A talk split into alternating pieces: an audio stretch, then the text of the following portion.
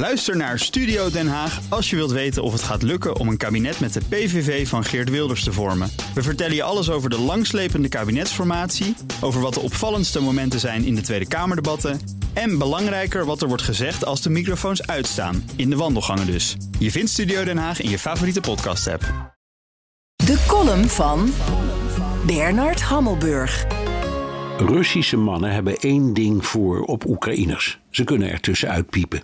Deze week kwam dat weer in het nieuws. Toen bleek dat inmiddels 200.000 Russen zijn neergestreken in Servië, waar ze zich door de etnische en historische banden thuis voelen. Lastig voor Servië, want het land moet schipperen tussen loyaliteit aan Rusland en het kandidaat lidmaatschap van de EU. Vooral Russen met een goede opleiding, geld en contacten nemen met honderdduizenden tegelijk de wijk. Het gemakkelijkste is dat naar landen waarvoor ze geen visum nodig hebben, zoals Kazachstan, Armenië en Georgië. Hoewel het niet zonder spanningen verloopt. De gastlanden bieden immers onderdak aan deserteurs. Vanaf de eerste dag van de oorlog op 24 februari kregen Oekraïense mannen een verbod om hun land te verlaten. Wat niet betekent dat al die mannen hun land van ganse harte verdedigen. Achter het verhaal van onmiskenbare moed schuilt het drama van de mannen die orders negeren, dronken worden of simpelweg er vandoor. Deserteurs dus. Als ze worden opgepakt, worden ze hard gestraft. Maar rechters luisteren naar argumenten en dus valt voor de ene deserteur de straf harder uit dan voor de ander. Dat is niet onlogisch, want de krijgsmacht moest in razend tempo van een kwart miljoen worden uitgebreid tot ruim een miljoen soldaten.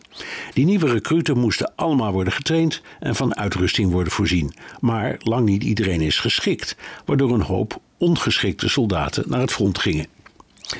Een nieuwe wet moest een eind maken aan de coulance door rechters en verhoogt de straffen. Het niet opvolgen van een bevel gaat omhoog van vijf jaar naar acht jaar gevangenisstraf.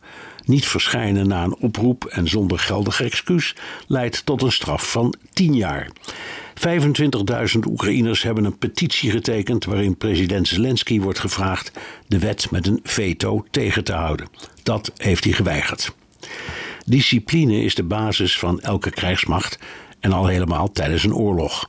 Een krijgsraad is geen civiele rechtbank, maar ook soldaten vallen onder de universele verklaring voor de rechten van de mens. Over de kadaverdiscipline waaraan soldaten zijn onderworpen is het laatste woord niet gezegd. Het doet erg denken aan de wijze waarop Russische soldaten worden behandeld. Waardoor het verschil extra pijnlijk wordt, want Russen kunnen er tussenuit piepen, bijvoorbeeld naar Servië.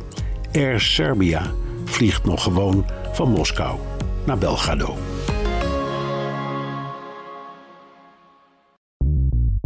Bij BNR ben je altijd als eerste op de hoogte van het laatste nieuws. Luister dagelijks live via internet. Bas van Werven. En heel langzaam komt de zon op rond dit tijdstip. Je krijgt inzicht in de dag die komt op BNR, het Binnenhof in Nederland en de rest van de wereld. De Ochtendspits. Voor de beste start van je werkdag. Blijf scherp en mis niets.